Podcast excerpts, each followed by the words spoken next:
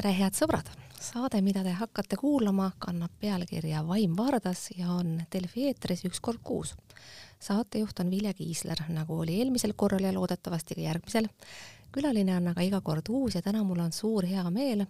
tervitada stuudios Linda Kaljundit, ajaloolast, kuraatorit, õppejõudu, tervist! tere ja aitäh kutsumast! Mulle tundub, et teiega oleks võib-olla kõige õigem rääkida nendest monumentidest, mida kogu aeg meil ühest kohast teise tõstetakse, ümber muudetakse, mälestustahvleid maha võetakse, eemaldatakse ja koguni puruks tallutakse ning võib-olla ka natukene nendest teostest, mis avalikku ruumi peagi juurde tekivad, sest millegipärast on kriisiajad, sõjad, pandeemiad, igasugused muud tervise- ja majanduskriisid just need hetked ajaloos, kus inimesed tunnevad ennast nii palju ebakindlalt, et nad justkui tarvitsevad mingisugust kinnitust avalikust ruumist. vähemasti mulle näib niimoodi see tants sammaste ja monumentide ümber. aga alustame võib-olla kõige lähemast. lugesin hiljaaegu uudisvoost, et Konstantin Pätsi mälestussammas on teoks saamas ja pannakse varsti püsti ka. missuguste tunnetega teie jälgite selle samba äh, saamislugu ja loodetavat peatset avamist mm. -hmm. ma arvan, et äh, see Pätsi samba saamise lugu on ka midagi, mida võib-olla praegusel ajal tasub meenutada, et ma arvan, meil kõigil on vaja nagu paremaid oskusi tulemaks toime siis erinevate monumentide ja sümbolitega avalikus ruumis, nii nendega, mida avalikkus tajub negatiivsena, kui siis sellistega, mille äh, püstitamist justkui nagu soovitakse või soositakse ja õigupoolest see Pätsi monumendi lugu on ju väga huvitav selles mõttes, et ta tekitas ka sellise põneva debati selle ümber, kuidas Eesti ajalugu meenutada ja milliseid kangelasi sealt esile tõsta, et mäletatavasti seda alguses kaaluti ju ka Toompeale püstitada, siis toonane president Kersti Kaljulaid eh, muuhulgas äh, väitis, et selline autoritaarse ajastu autoritaarne juht ei, ei sobi siis demokraatliku riigi parlamendi äh, kõrvale monumendina välja panna. kuidas teile tundub, kas sobib või ei sobi, jättes kõrvale esialgu, aga järgmiseks võiks siiski kõne alla võtta ka esteetilise väärtuse mm,? noh, ma arvan, et monumendil ja monumendil on ju ka vahe või selles mõttes, et võib-olla inimestele esimesena monumendiga seoses tuleb pähe selline klassikaline mõnda valitsejat või suurt meest, suurt juhti kultustav ratsamonument või, või selline pjedestaalile tõstev monument, aga et tänapäeval on ju ka väga palju selliseid ajaloo üle pigem nagu arutlema kutsuvaid monumente, selliseid abstraktsemaid äh, sümboleid kasutavaid äh,, abstraktsemat kujundikeelt äh, kasutavaid monumente nii et eh, selles mõttes ka sellisele autoritaarsele valitsejale või, võib püstitada väga erinevaid mälestusmärke. no aga see konkreetne pea, kuidas selle esteetiline väärtus ikka tundub, ma püüan nüüd ise keelt oma, omalt poolt hammaste taga hoida, aga noh, ei ole ju ilus. ei ole ju eriti esteetilist väärtust kandev, isegi kui kogu see ideoloogiline aspekt seal kõrvale jätta jah, ma arvan, et see konkreetne pea, võib-olla see on selline natuke nagu selline kirik keset küla lahendus, eks ole, et ei ole, ei ole tegemist sellise nagu lausa kultustava monumendiga, aga ei ole tegemist ka sellise monumendiga, mis nagu üleliia palju, nagu ma enne just ütlesin, eks ole, et monument võib panna küsima ka erinevaid küsimusi ja ma arvan, et noh, kogu see potentsiaal Pätsi enda isikus võiks ju olemas olla, eks ole, et inimene, kes on alguses siis tuhande üheksasaja viienda aasta revolutsiooni ajal selline mässuline Äh, revolutsioonimeelne noor äh, Eesti riigi eest võitleja, inimene, kes aitab Eesti Vabariigile nii palju kaasa ja kummatigi oma hilisemas poliitikutegevuses hävitab kogu selle demokraatia, mille ta on loonud, et noh, need on teemad, mida tegelikult ma arvan, on võimalik ka nagu sellises avaliku ruumi kunstikeeles lahata, et seda rolli see monument kindlasti sellisena ei täida. ja, ja noh, võib-olla arvestades ma arvan ka seda, et meil on tegelikult ju väga vähe monumente üldse linnaruumis ja, ja väga vähe tellitakse uusi monumente, et noh, et selles mõttes kindlasti ma arvan, pigem on kahetsusväärne, et see on selline tõesti kesktee lahendus, mis ei ole ühte ega teist, et ma ei leia, et ta oleks, ma arvan, Pätsi poolehoidjad ja mitmed ka arvavad, et see on talle kuidagi solvav või et noh, ei ole piisavalt nagu väärikas monument, aga, aga need võib-olla, kes tahaks näha selle monumendi kaudu uuesti sündivat rohkem mingit debatti demokraatia Eesti ajaloo üle, et nemad võib-olla ei ole ka rahul sellise monumendiga. no jätame Pätsi esialgu rahule ja räägime sellest, mis on juba olemas ja mida pigem koristatakse avalikust ruumist ära. mul on tunne, et selline monumendisõja äh, tipphetk ilmselt oli Narvas, kus see õnnetu Vene tank siis lõpuks muuseumisse viidi ja, ja noh, oodatult või ootamatult jäid sealt suuremad rahutused tulemata. Ja selle jätkuks võib siis pidada või ütleme selliseks äh, rahulikumaks kajaks Tallinnas toimunud äh, Maarjamäe memoriaali mälestustahvlite ärakoristamist, mis justkui peaks siis äh, ka ümber mõtestama seda, seda monumenti seal, seda monumentaalset teost. sellesse ansamblisse kuuluvad kunstiteosed, nagu ma saan aru, jäetakse rahule. aga iseenesest mind šokeeris kogu selle protsessi juures mälestustahvlite hävitamine. kuidas see teile paistab? noh, ma arvan, et ka see, see Maarjamäe puhul see mälestustahvlite eemaldamine iseenesest ei ole kõige sisukam viis, kuidas seda paika ümber mõtestada ja sinna luua ümber mingisuguseid selliseid uusi kihistusi, mis jällegi kutsuksid just nagu mõtlema siinse ajaloo keerukuse ja mitmekihilisuse ja muutlikkuse üle, mis potentsiaal on ju Maarjamäel täiesti olemas, eks ole, et seal on nii Nõukogude kui Natsi-Saksamaa Äh, mälestuspaigad, seal on kommunismi ohvrite memoriaal, seal on kõrval Eesti Ajaloomuuseum, et äh, ikkagi see selline mitmekihilisuse väljatoomine eeldab võib-olla omalt poolt ka uute selliste tõlgenduskihtide lisamist, mis võivad olla nii mingid ruumilised ja kunstilised sekkumised, kui kui näiteks ka noh, erinevad mingisugused audiogiidid või mingi muu sellise tekstilise tasandi lisamine, nii et noh, selles mõttes see äh, ainuüksi mingite vanade tahvlite eemaldamisega seda eesmärki kindlasti ei saavuta. Kas ei võiks tegelikult ikkagi olla niimoodi, et selle kommunismi ohvrite mälestusmärgi loomisega Maarjamäe memoriaali kõrvale võiks nagu teatavas mõttes rahu majas olla? Ja võib-olla olekski olnud, kui ei oleks alanud Vene-Ukraina sõda, see kohutav agressioon, tapatalgud ja kõik muu, mis sõja juurde käib, ma arvan, et keegi ei oleks praegu hakanud uuesti torkima ei seda Narva tanki, ei Maarjamäe memoriaali ja ei oleks keegi hakanud ka arutlema näiteks äh, maali üle Estonia kontsert, Estonia teatri laes, eks ole, et mulle tundub et kuidagi, et, äh, et sõda on selline hetk, kus inimesed järsku joonistavad maailma mustvalgeks. ja need debatid, mida enne sai rahulikult pidada, neid enam ei ole võimalik asjalikult debateerida nende teemade üle. kas võiksime natukene avada seda, miks see niimoodi on, sest et ta niimoodi on, seda me näeme iga päev meedias, seesama eh, Maarjamäe teema ei vaibu,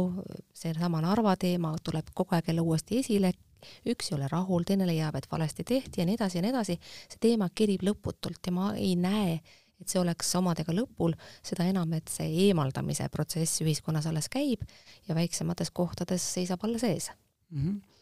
ma arvan, et võib-olla on ka kasulik mõelda, et siin protsessis on ju mitmeid erinevaid pooli, mitmeid erinevaid äh, sõnavõtjaid, äh, mõjutajaid ja nii edasi. et kindlasti teil on õigus, et sõja ajal otsitakse selliseid oma ja võõra vastandusi ja ma arvan, me ka muidu ju Eesti avalikkust või sellist aruteluruumist näeme, et noh, selline mustvalged tähendused on uuesti hinnas ja, ja selle ümber võib-olla isegi teatud sellist juubeldust, eks ole, et asjad on lihtsad ja me, me ei pea arutlema selle üle ja meil on selline kriisihetk. et, et see on kindlasti nagu üldisemalt on oluline. aga, aga kui küsida, et kes eh, ja millised nagu tegurid kogu selle protsessi taga on, eks ole, et siin on noh, ka inimeste reaktsiooni kindlasti palju, me näeme, et see Ukraina sõda on toonud välja siis sellist võib-olla mineviku ja, ja selle Nõukogude mineviku ja Teise maailmasõja repressioonidega seonduvat traumat ja võib-olla ka üsna nagu huvitavalt osutanud, et järsku ikkagi ühiskonnas ei ole selle mälutööga piisavalt tegeletud või on sellega viimasel ajal tegeletud üsna niimoodi paraadlikult ja pealiskaudselt, ei ole nagu võib-olla sügavamalt selliseid arutelusid või seda kuskil kultuuris läbi töötatud, et kuna need reaktsioonid on, on väga, väga emotsionaalsed aga, aga kindlasti noh, võib siin taustal mõelda ka selle peale, et maailm on ju hästi kriise täis, lisaks Ukraina sõjale ka väga palju muid teisi kriise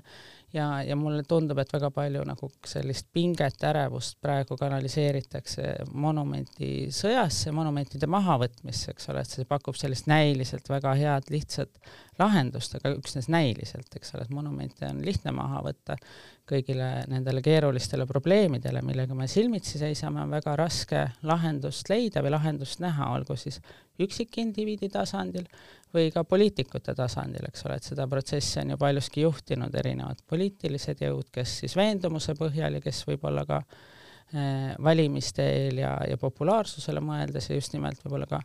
noh, kasutades ära seda näilist lihtsust, otsustavust, mida selline monumendi ründamine, mahavõtmine pakub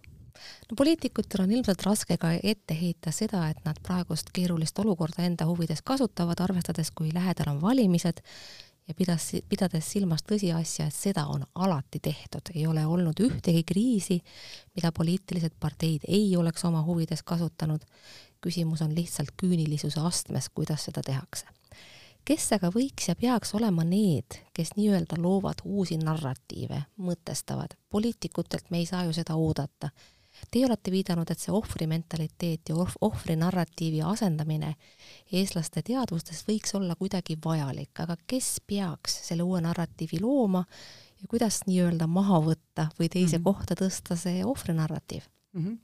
no põhimõtteliselt ju selles praeguses olukorras, ma arvan, kui mõelda optimistlikult, on just ka nagu peidus ju võimalus mõelda ajaloost kuidagi mitmekesisemalt ja kriitilisemalt. Ja ma arvan, et neid uusi narratiive ja uusi tõlgendusi, et ega neid ei saa luua ka nagu ülevalt alla, eks ole, et kindlasti noh, poliitikutel on oma visioon sellest, kuidas nad siinset ajalugu näevad, mida nad tahavad esile tõsta ja, ja ka erinevatel, ma ei tea, ekspertidel, muinsuskaitsjatest, ajaloolastest kuni kooliõpetajateni võib-olla. Teine nägemus, aga et just arvestades, et nende monumentide ümber on niivõrd suur eh, kriis praegu tekkinud, oleks tegelikult väga hea viia kokku neid erinevaid eksperte ja neid kohalikke kogukondi näiteks ja tekitadagi selliseid arutelusid siis selle üle, et eh, mida see äh,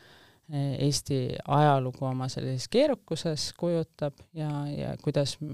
milliseid tähendusi omavad siis need erinevad nagu monumendid või see ehituspärand, mis erinevatest aegadest pärineb, sest Eesti on ju selline piiriala, kus, kus tegelikult kogu see kultuuripärand on, on loodud siis sellise oma ja võõra vastasmõjus ja väga erinevate võimude poolt no see oma ja võõra vastandamine on praegu eriti terav ja mulle tundub, et teataval viisil takistab seda rahulikku debatti peale juba viidatud kõikide kriiside ja eelkõige sõjaolukorra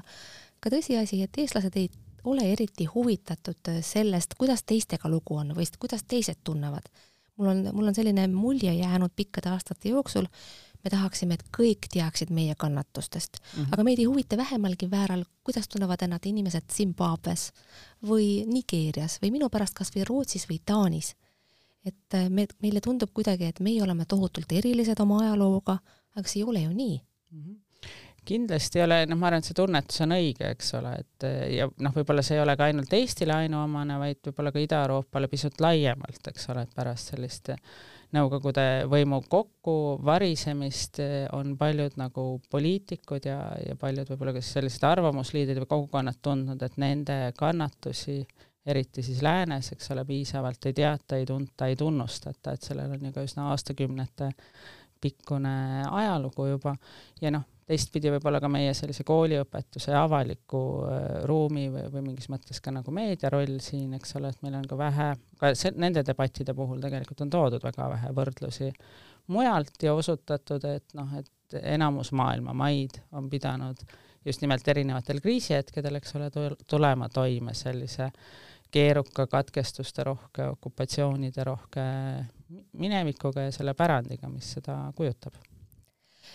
sellega seoses äh, meile tundub praegu, et me oleme ajaloos kuidagi väga erilises hetkes mm -hmm. ja et meil ei ole, et ei ole kunagi olnud noh, meie eluajal ütleme niimoodi või meie vanuste inimeste eluajal ja võib-olla tegelikult isegi peaaegu et kuue-seitsmekümne aastaste eluajal ei ole nii suuri kriise üksteise otsas olnud. pandeemia sai vaevalt lõppeda või õigupoolest ta vindub kuskil, ta ei olegi lõppenud, kui tuli peale sõda põhjust on rääkida majanduskriisist, mis tühjendab inimeste rahakotti ja ilmselt äh, selle tipphetked on alles ees, majanduslike raskuste, tööpuuduse ja kõik muud sellised teemad. et kriisid on üksteise seljas, kuid vaevalt te ajaloolasena kinnitaksite, et sellist asja pole mitte kunagi olnud. kas võiks võib-olla tuua mõne paralleeli kas või Eesti enda ajaloost, kus säärased kriisid on tõepoolest kuhjunud ja, ja nendega on tulnud elada nõnda, nagu meie praegu peame, kuigi me arvame, et see on midagi tohutumalt erilist. Mm. -hmm no ajaloos kindlasti kriisidest puudust ei ole, võib-olla siis praegusele lisada juurde ka see selline keskkonnakriis, eks ole, ja üldisem selline ebamäärasus äh, ja, ja ebakindlus tuleviku suhtes, aga noh, see ei tähenda, et seda oleks olnud, poleks olnud selliseid kriise ka varasematel hetkedel, kui me mõtleme Eesti ajaloo peale, noh, kas või näiteks kahekümnenda sajandi lõikes, siis noh, eh, Eesti Vabariigi loomise järel, eks ole, et see ei ole võib-olla selline nagu või noh, on nagu lootusrikas hetk, aga et ma praegu hakkasin mõtlema pigem selles suunas, et kuidas on suurte murrangute ja, ja kriiside hetkel suhtutud siis ehituspärandisse, eks ole, et tuhande üheksasaja viienda aasta revolutsiooni ajal siis sellisesse Vene impeeriumi kokku äh, lagunemise eel juba sellises äh, Esimese maailmasõja eelses olukorras, eks ole, et tõesti ju toimus see mõisate põletamise laine, eks ole, siis Eesti Vabariigi loomise järel, kus on uus riik, eks ole, kogu see vana äh, vana korraldus nii ühiskondlikult kui majanduslikult on kokku lagunenud, on uuesti need debatid, eks ole, et kui palju jätta neid vanu monumente alles, kui palju äh, Äh, kuidas suhtuda saksa ja, ja vene pärandisse ja, ja samamoodi näeb seda siis äh, Nõukogude võimu kehtestamise järel neljakümne neljandal aastal ja ühtlasi ka siis üheksa, üheksakümnendatel, kui Eesti Vabariik on uuesti loodud, et tegelikult selles mõttes meil on nagu ka äh, oma ajaloost üsna nagu pikk selline monumentide ehituspärandiga tegelemise ja nende üle nagu debateerimise pärand, mille poole võiks eh, ka tagasi pöörduda, et ma muidugi ei vastanud sellele küsimusele nende eh, kriiside kohta ajaloos. kriiside kohta me, me võiksime jõuda mm -hmm. sinna uuesti tagasi, aga teid kuulates tekkis mul praegu küsimus, eh, mida ma olen tegelikult omas peas keerutanud ennegi mitu korda et kui ma näiteks vaatan äh, Stalini aegseid maju mm, -hmm. siis mulle tundub mingil hetkel, noh, enamik neist on Tallinnas ju väga ilusti korda tehtud ja nad näevad täitsa okeid välja, et mul on tekkinud küsimus, et millal me ükskord jõuame sinna. seal elavad inimesed sees, aga see on ju ka teataval viisil midagi sellist, mis võib praegu paljudele peadele järsku ohtlik tunduda või järsku noh, elumajad on ju ka teataval viisil kultuuripärandi osa või arhi-, arhitektuurinäidised, kas tõepoolest on oht, et me ükskord sinnamaale ka jõuame? no sellest on juba ka teatud piirini juttu olnud, eks ole, et kui need monumendid nüüd kiirkorras maha võtta, eks ole, võtta järgmisena siis äh, ka nendelt Stalini aegsetelt majadelt viisnurgad maha, et siis tulevad ju nagu järgmised kriisid, tulevad järgmised valimised, eks ole, et mida siis järgmisena maha võetakse, eks ole, et võib-olla üks suund, mille kohta on tõesti ka juba kõlanud, Äh, selliseid ähvardusi või, või üleskutseid, eks ole, puudutab just sellist tsaariaegset pärandit, meil küll nagu tsaariaegseid monumente on suhteliselt äh, vähe alles, aga, aga ehituspärandit palju. ja teine asi võib-olla tõesti puudutab siis sellist Stalini aegset nagu arhitektuuri, mida tegelikult on ju väga-väga palju Eestis, et seda ehitati ju väga mahukalt. ja see juhtumisi on vastupidav, erinevalt mhm. seitsmekümnendate mm -hmm. või kaheksakümnendate ehituskunstist mm. -hmm. jah, ja noh, Narvaga seoses, eks ole, on seda eriti palju tõstatatud ja on ka selle suve jooksul ju mitu korda käidud välja selline idee, eks ole, et ma ei tea, et sovetiaegses majas elab sovetiaegne vaim ja sellepärast tuleks äh, ikkagi ehitada see barokne Narva uuesti üles. et noh, ma arvan, et see on see samasugune maagiline mõtlemine, nagu me natuke näeme ka nende monumentidega seoses, eks ole, või nagu selline lihtsustatud lähenemine inimestele, et ma ei tea, et kui monument on püsti, siis nagu usub Vene propagandat, võtame monumendi maha, siis enam ei usu, eks ole, või et noh, et kui inimene panna uude majja elama, et kas ta siis nagu sellepärast muutub, eks ole, et ma arvan, et ikkagi inimestes tuleb nagu eh, edendada sellist oma peaga kriitilist mõtlemist ja, ja mõtlemist selle ja arusaamist selle üle, kuidas ajalugu erinevad ideoloogiad, erinevad režiimid ära kasutavad, kuidas nad seda esitavad, kuidas nad seda sümboliseerivad, muuhulgas ka monumentide kaudu, et noh, mida parem on inimesel endal see selline kriitiline mõtlemisvõime ja oskus ajaloo üle reflekteerida, seda vähem, ma arvan, nagu peaks, võiks olla põhjust selliseks ärevuseks igasuguste monumentide ja sümbolite üle avalikus ruumis. veel kõrvalepõike korras, enne kui me jõuame nende üksteise otsas resideerivate kriisideni uuesti tagasi.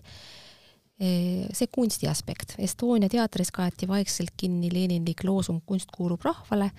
aga seal teatavasti on kolme Eesti kunstniku Evald Okase, Richard Sagritsa ja Elmar Kitse suur lae maal ja mille teemaks siis on sotsrealistlik ülesehitustöö ja noh, seda kõik saavad vaadata, kui nad teatris käivad ja küllap ongi va vaadanud. mis selliste asjadega teha, mul on tunne, et eh, see on teataval viisil on ka see sotsrealistlik kunst juba löögi all ja kas võib koita päev, kui sedasama maali hakatakse kinni katma või sobival viisil ümber tegema mm. -hmm. No ma arvan, kinnikatmine oleks siin eh, nendest halbadest variantidest veel kõige parem, eks ole, et niikaua kuni, kuni ta säilib, eks ole, et noh, palju sellest pärandist, millest me siin praegu ju räägime, noh, kui need on näiteks mingid detailid majadel või eh, või ka monumendid, eks ole, et kui, kui nad on juba hävitatud, siis, siis neid enam tagasi ei saa või, või ei saa ümber mõelda ja selle maaliga on kindlasti sama lugu. Eh, ja noh, võib-olla siin on nagu vähe juttu olnud sellest, et see on õigupoolest ainulaadne Eestis, et meil ei ole teist nii suurt äh, laemaali. Äh, ja ei ole ka teist nii suurt sellist sotsrealistlikku kunstinäidet ja, ja võib-olla vähe on juttu olnud ju ka sellest, et ega kahjuks ju Estonia sai teises maailmasõjas pommitabamuse ja see, millisena ta on üles ehitatud, äh, kannabki endas oma ajastu märke, oma ajastu äh, vormi ja vaimu ja, ja sellelt nagu järk-järgult neid stalinistlikke detaile äh, välja lõigates või kinni kattes tegelikult me rikume ära ka nagu selle maja terviku. ja siin võib-olla nagu tõesti võiks küsida selle üle, et kas, kas me peame nagu Eesti inimesi siis, kes on ju ka väga kirju seltskond, kas me peame neid nagu niivõrd lihtsameelseteks ja lihtsakoelisteks, et et me ei usu, et nad seal teatris käies oleksid võimelised nagu ka mõtlema selle siinse ajaloo keerukuse ja mitmekihilisuse üle, eks ole, et noh, et see on natuke nagu ka selline ühiskonna lastena käsitlemine. ma tahaksin tuua minu meelest ühe representatiivse näite sellest, mismoodi seda debatti saab tõmmata teatavale ühetaolisuse või lihtsuse liistule. nimelt on Krista Kodres väitnud enam-vähem sedasama, mis teie, et kui me need viisnurgad ja ja muud sellised sirbid-vasarad sealt kuskilt küljest ära võtame, siis, siis tervik kaob. ja, ja noh, sellel nagu ei ole väga mõtet just, just sel samal põhjusel, et me peame inimesi rumalaks. aga siis märkasin ma näiteks, et Erkki Pahovski on ironiseerinud Facebookis selle üle, et et nojah, et kui sakslased ei, ilmselt ei saanud aja, ajaloost eriti aru, kui nad Berliini, Berliini müüri maha tõmbasid ja noh, see on ainult üks sellistest võimalikest äh, diskussiooni teatavale tasandile taandamise näidetest, aga minu meelest esinduslik. Mida see näitab, et niimoodi me mõtleme? Mm, iseenesest ma arvan, ei ole üldse paha tuua neid kõrvutusi teiste maadega ja, ja teiste kontekstidega. ja sellel on oma õigus mm. -hmm ja sellel on oma õigus, aga ma arvan, et ikkagi neid võrdlusi, olgu siis, eks ole, Saksamaa toimetulek, olgu siis DDR-i pärandiga või Natsi-Saksamaa pärandiga või, või siis ka kogu see kolonialismiga seotud monumentide eh, mahavõtmine Black Lives Matter liikumise tuules mõned aastad tagasi, et need on ikkagi nagu välja kasvanud eh, oma kontekstist, oma debattidest, et sellele on eelnenud äh, oma ajalugu, oma kohalikud vaidlused, arengud, liikumised, et neid ei saa nagu üks-üheselt meile üle kanda, et ma arvan, et vaadates nagu mujale, tuleks ikkagi nagu tegeleda ennekõike siinse kohaliku ajalooga ja, ja sellega, et nagu noh, milles see pärandi mitmekihilisus siis meie jaoks seisneb, on ju, mis mis on siin need väärtused ja, ja kui siin on midagi problemaatilist, eks ole, et ma arvan, kas või selle Estonia puhul võib-olla oleks nagu produktiivsem mõelda, et kui ja noh, ma saan ka sellest aru, et on, on inimesi, kes tunnevad, et see on neile nagu solvav, on ju, et järsku oleks siin nagu mingeid muid lahendusi, mida teha, eks ole, et noh ka selles eh, AK Nädala klipis oli ju näha, kuidas Tõnu Kaljuste ise, eks ole, oli ühe kontsertetenduse raames nagu videolahendusega suhestunud selle maaliga, et selles mõttes ma arvan, selliseid kreatiivseid ja ja teistpidi võib-olla natuke pedagoogilisi lahendusi võiks ka päris palju siin olla ma tahaksin tuua sisse veel ühe aspekti. me kõnelesime arhitektuurist, me kõnelesime kunstist ja muidugi monumentidest, aga, aga on ka ususümbolid, religioossed sümbolid ja selle eriline näide või selline representatiivne dialoog toimub praegu selle üle, kas Eesti Apostlik-Õigeusklik Kiriku juht Eugeni tunnistab agressiooni Ukrainas või ei tunnista ja kuivõrd ta jagab siis Mosk-, Moskva patriarhaadi liidri Kirilli seisukohti. Ja noh, siit edasi mõeldes jällegi ajaloolasena teate te väga hästi, et kui üks territoorium vallutatakse või, või vallutust kardetakse või püütakse seda mingil muul viisil enda omaks teha, siis üks esimesi asju on tõmmata maha vastase pühakoda ja panna sinna asemele oma kirik. ma ei kujuta küll ette praegu, et näiteks seal Riigikogu hoone vastas asuvat vene õigeusu kirikut hakataks maatasa tegema, aga ajaloost analoogseid näiteid saame ilmselt tuua küllaga mm. -hmm. ka selle katedraaliga seoses on ju äh, arutletud äh, kahe kolmekümnendatel aastatel mitu korda, et kas see tuleks maha tõmmata, noh kuna ta on tõesti ju sellise tsaariaegse niinimetatud venestusliikumise kõrgajal sinna ehitatud ja ma olen vähemalt paar korda nüüd kohanud nendes praegustes monumendi debattides ka uuesti seda äh, Äh, arutelus selle üle või, või tullakse tagasi uuesti selle mõtte üle, et kas oleks ikka pidanud nagu maha tõmbama, et noh, mulle tundub see hetkel nagu ka väga äh,, väga äh, ebareaalne, aga ma arvan, et see on teistpidi nagu hea näide, et milleni see selline suvest saadik kestnud sellised nagu kampaaniad ja ikkagi selline märka võõrast, anna võõrast teada stiilis kampaaniad võivad viia, eks ole, et veel kord, et Eesti Eesti pärandis on nagu väga vähe sellist tõeliselt oma ja algupärast, et suur osa sellest ongi võõras ja väga kerge on nagu võtta löögi, löögi alla, eks ole, sellest siis erinevad kihistused, noh, milleks üheks, eks ole, võivadki olla need venestusaegsed õigeusu kirikud, mida, mida ei ole ju sugugi mitte vähe, eks ole. aga, ja, ja noh, mida problematiseerida praeguse nagu arvestades, kuidas Venemaal Vene õigeusu kirik käitub, eks ole on, on ka väga lihtne. arusaadav, tuleme nüüd lõpuks tagasi selle küsimuse juurde, mis jäi meile kuidagi õhku rippuma, see on see kriiside üksteise seljas elamine ja selline lootusetuse tunne, et midagi läheb paremaks, kuna kogu aeg on meile tundunud, et kõik on juba nii halvasti, et enam halvemaks minna ei saa ja siis ikka läheb. ja ma hiljaaegu tegin ühe intervjuu ühe psühholoogiga, kelle käest küsisin siis, et kuidas saada toime sellega ja tema ütles, et üks võimalus on mõelda selle peale, kuidas oli varem. ja, ja no mina küsisin siis irooniliselt, et noh, et Põhjasõja ajal oli kindlasti hullem ja küllap leiab, kindlasti oli ka halvem siis, kui katk inimesi tappis ja nii edasi. aga ta jäi endale kindlaks, öeldes, et äh, ajaloos on leida palju perioode, kus ongi päriselt olnud hullem kas sa saaksite kuidagi seda kommenteerida või tuua mõne hea näite, mis kinnitab, et tõepoolest ongi olnud väga-väga palju hullem mm? -hmm no seda mõtet on ju Eestis ka kuidagi võib-olla võimendatud just viimaste nende kriiside ajal, eks ole, et me ei ole kunagi elanud nii jõukalt ja nii hästi kui praegu, eh, mis on ka ilmselge või noh, et mõelda ka, et noh, varasemal ajaloo, varasemas ajaloos, et isegi kui ei ole olnud selliseid suuri sõdu parasjagu või, või suuri epideemiaid, eks ole, et noh, et kui kuivõrd väike oli inimeste, palju väiksem oli inimeste võimalus täiskasvanuks kasvada, eks ole, täiskasvanuks saada, üldse nagu noh, neid inimesi, kellel oli pidevalt kõht täis enam-vähem, oli ju ka väga-väga vähe, eks ole, et need eh, küsimus ei ole sellises mugavuses, vaid, vaid sellistes elementaarsetes põhivajadustes, mis ei ole ka suurel osal inimestest ka Euroopas, eks ole, olnud enne kahekümnendat sajandit sugugi äh, kindlustatud, nii et noh, ma arvan, meil on isegi nagu oma praegusest mugavuse astmest väga, väga raske ette kujutada seda nagu haprust ja, ja ebakindlust, milles inimesed varasemalt elasid. et äh, aga noh, eks see on nagu ka võib-olla individuaalne, et kui, kui palju tuge kellelegi sellest äh, mõttest võib olla et ja noh, varasem ajalugu kindlasti on, on täis erinevaid selliseid kriise ja plahvatusi ja, ja noh, võib-olla üks asi, millest me ei ole siin praegu eriti rääkinud, on see selline meedia roll, eks ole, ja jätkuv ka selline pildi ja, ja video ja selline digimeedia plahvatus, et võib-olla siia taustale võib mõelda siis ka sellist varauusaega, eks ole, mis ühtepidi on tõesti ju ka selliste suurte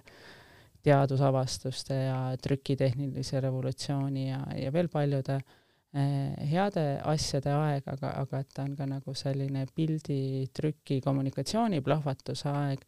mis äh, sellise teadmiste leviku kõrval toob kaasa, eks ole, ka sellised nõiajahid ja vaenamised ja, ja noh, ka näiteks stereotüüpide loomise siis nende erinevate asumaade elanike kohta ja nii edasi, et see, seda aspekti, ma arvan, peaks ka arvesse võtma teeksime selle saate siinkohal ümmarguseks, me alustasime Pätsiga ja minu meelest temaga sobiks ka lõpetada, sest äh, mul on, äh, ma kujutan ette, et te võiksite siin tõmmata teatavad paralleelid äh, ajastute muutuse võimalikkusega seoses Eesti Vabariigi esimese, esimese ajaga.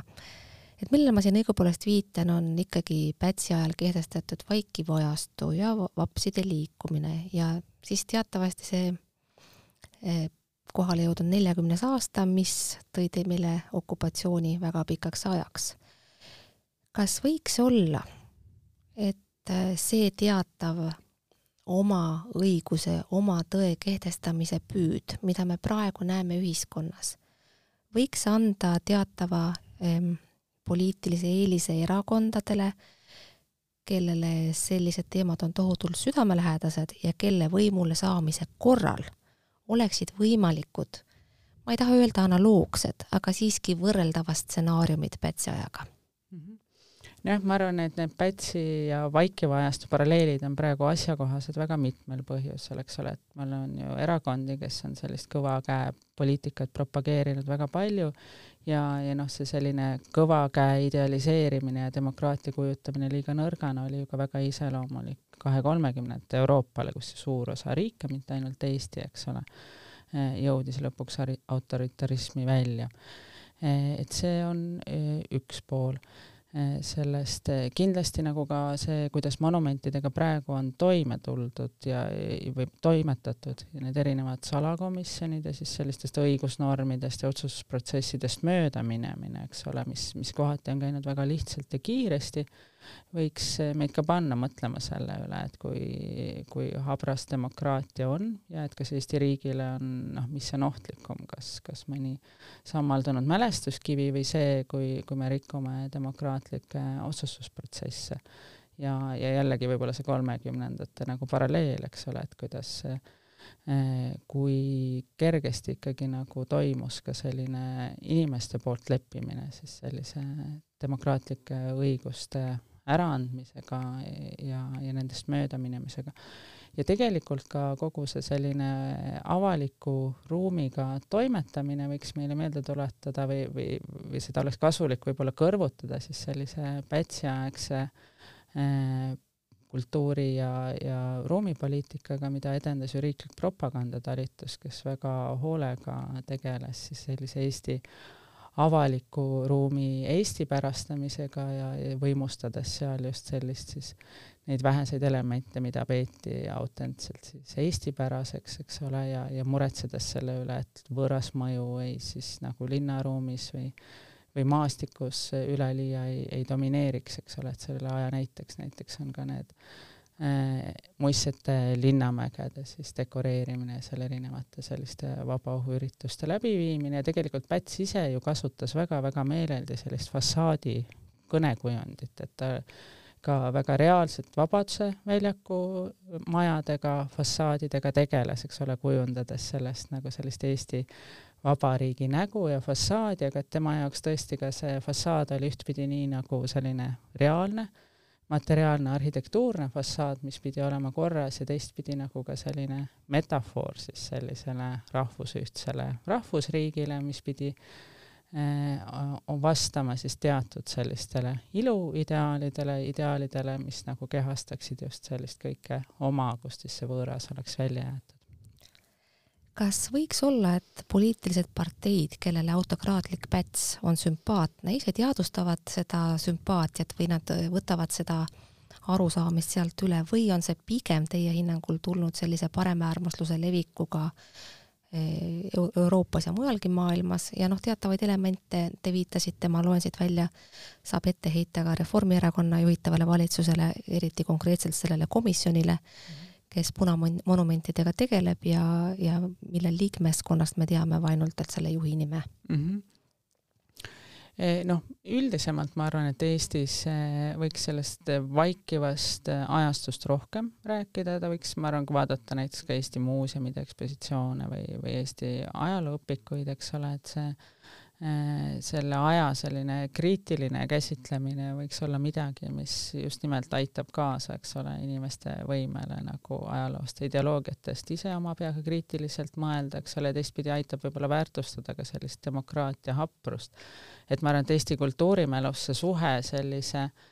kolmekümnendatega on nagu hästi vastuoluline, eks ole, et ühtpidi väga mõistetavatel põhjustel, eks ole, kogu sõjaõuduse ja Nõukogude okupatsiooni pärast on selle suhtes nagu palju nostalgiat, palju sellist idealiseerimist, kui mõtleme ka mingi filmide või populaarsete sarjade peale sellest ajast,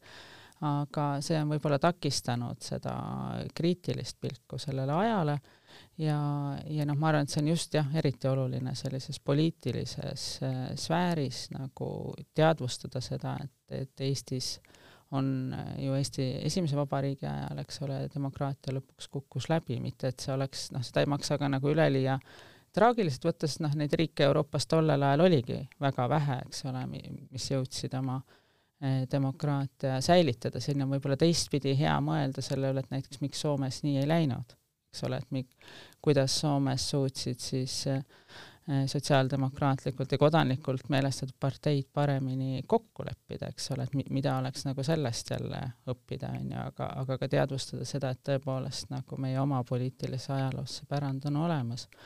aga eks siin on muidugi ka huvitav selles mõttes, kui mõelda konkreetselt EKRE peale, eks ole, et nende suhe Pätsiga on ju ka väga selline keeruline ja vastuoluline, sest et Pätsi vaikiva ajastu teatavasti algas ju vapside mahasurumise ja arreteerimisega, eks ole, nende äh, populaarsusele lõpu tegemisega, eks ole, ja on jälle EKRE-s ju ka poliitikuid, kes on hoopiski nagu vapse idealiseerinud Pätsi asemel. paar sõna Isamaa kohta ka jah, ma arvan, et neil on võib-olla ka seda, noh ne,, nendel ma arvan muidugi on seda Pätsi idealiseerimist rohkem, et see selline vapsidega suhestumine on, on EKRE puhul nagu selgem, eks ole, ja selgesõnalisem. aga, aga jällegi, et noh, et ma arvan, et see, et kuidas ajalugu nagu ja mingeid sümboleid ära kasutatakse, et ega sealt nagu kunagi ei maksa liiga suurt koherentsust otsida, eks ole, et sellest nii nagu see kolmekümnendate selline autoritaarsed režiimid Eestis või mujal, eks ole, laenasid üksteiselt hästi palju ideid, olgu siis selles, kuidas valitseda või kuidas propagandat teha või kuidas sellist korporatiivset ühiskonda üles ehitada, et nii nagu parteid ju ka tänapäeval, eks ole, et nad laenavad elemente erinevatest kohtadest, nii, nii Euroopast kui ütleme ka Ameerikast, kus see selline äh, konservatiivne revolutsioon on uuesti peale tulnud ja eks ole, ta on paljuski ka tulnud siis sellise reaktsioonina, eks ole, kõikidele nendele globaalsetele kriisidele, millest me juba rääkisime, eks ole, pakkudes veel kord sellist näiliselt lihtsat lahendust nagu tagasipöördumisena traditsiooniliste väärtuste ja juurte juurde, eks ole, ja samal ajal või, või siis ka sellisele nagu eh, traditsioonilise kõva käe valitsemisele, samas nagu rääkimata, eks ole, et mis on selle selliste arengute nagu selline mittedemokraatlik traagiline taak. nii et lõpetuseks paradoksaalsel kombel selleks, et Eesti poliitikat ja ajalugu mõista, võiksime me tänasel päeval vähemasti siis enne seda, kui see Pätsi monument seal ükskord avatakse, mõelda ka vaikiva ajastu ja selle õppetundide peale, loomulikult eeldamata, et ajalugu peaks kuidagi korduma või teatavad sellised äh, koherentsed arengud oleksid võimalikud ja analoogsed äh, sündmused nagu, nagu nood, milleni siis vaikiv ajastu viis ja, ja Pätsi ajastu lõpp jõudis. Linda Kaljundi, ma tänan teid kogu südamest selle vestluse eest, head sõbrad, saade, mida te kuulasite, oli Vaim Vardas. järgmine saade on eetris juba enam-vähem kuu aja pärast, saatejuht oli Vilja Kiisler, aitäh, kuulmiseni ja nägemiseni! aitäh!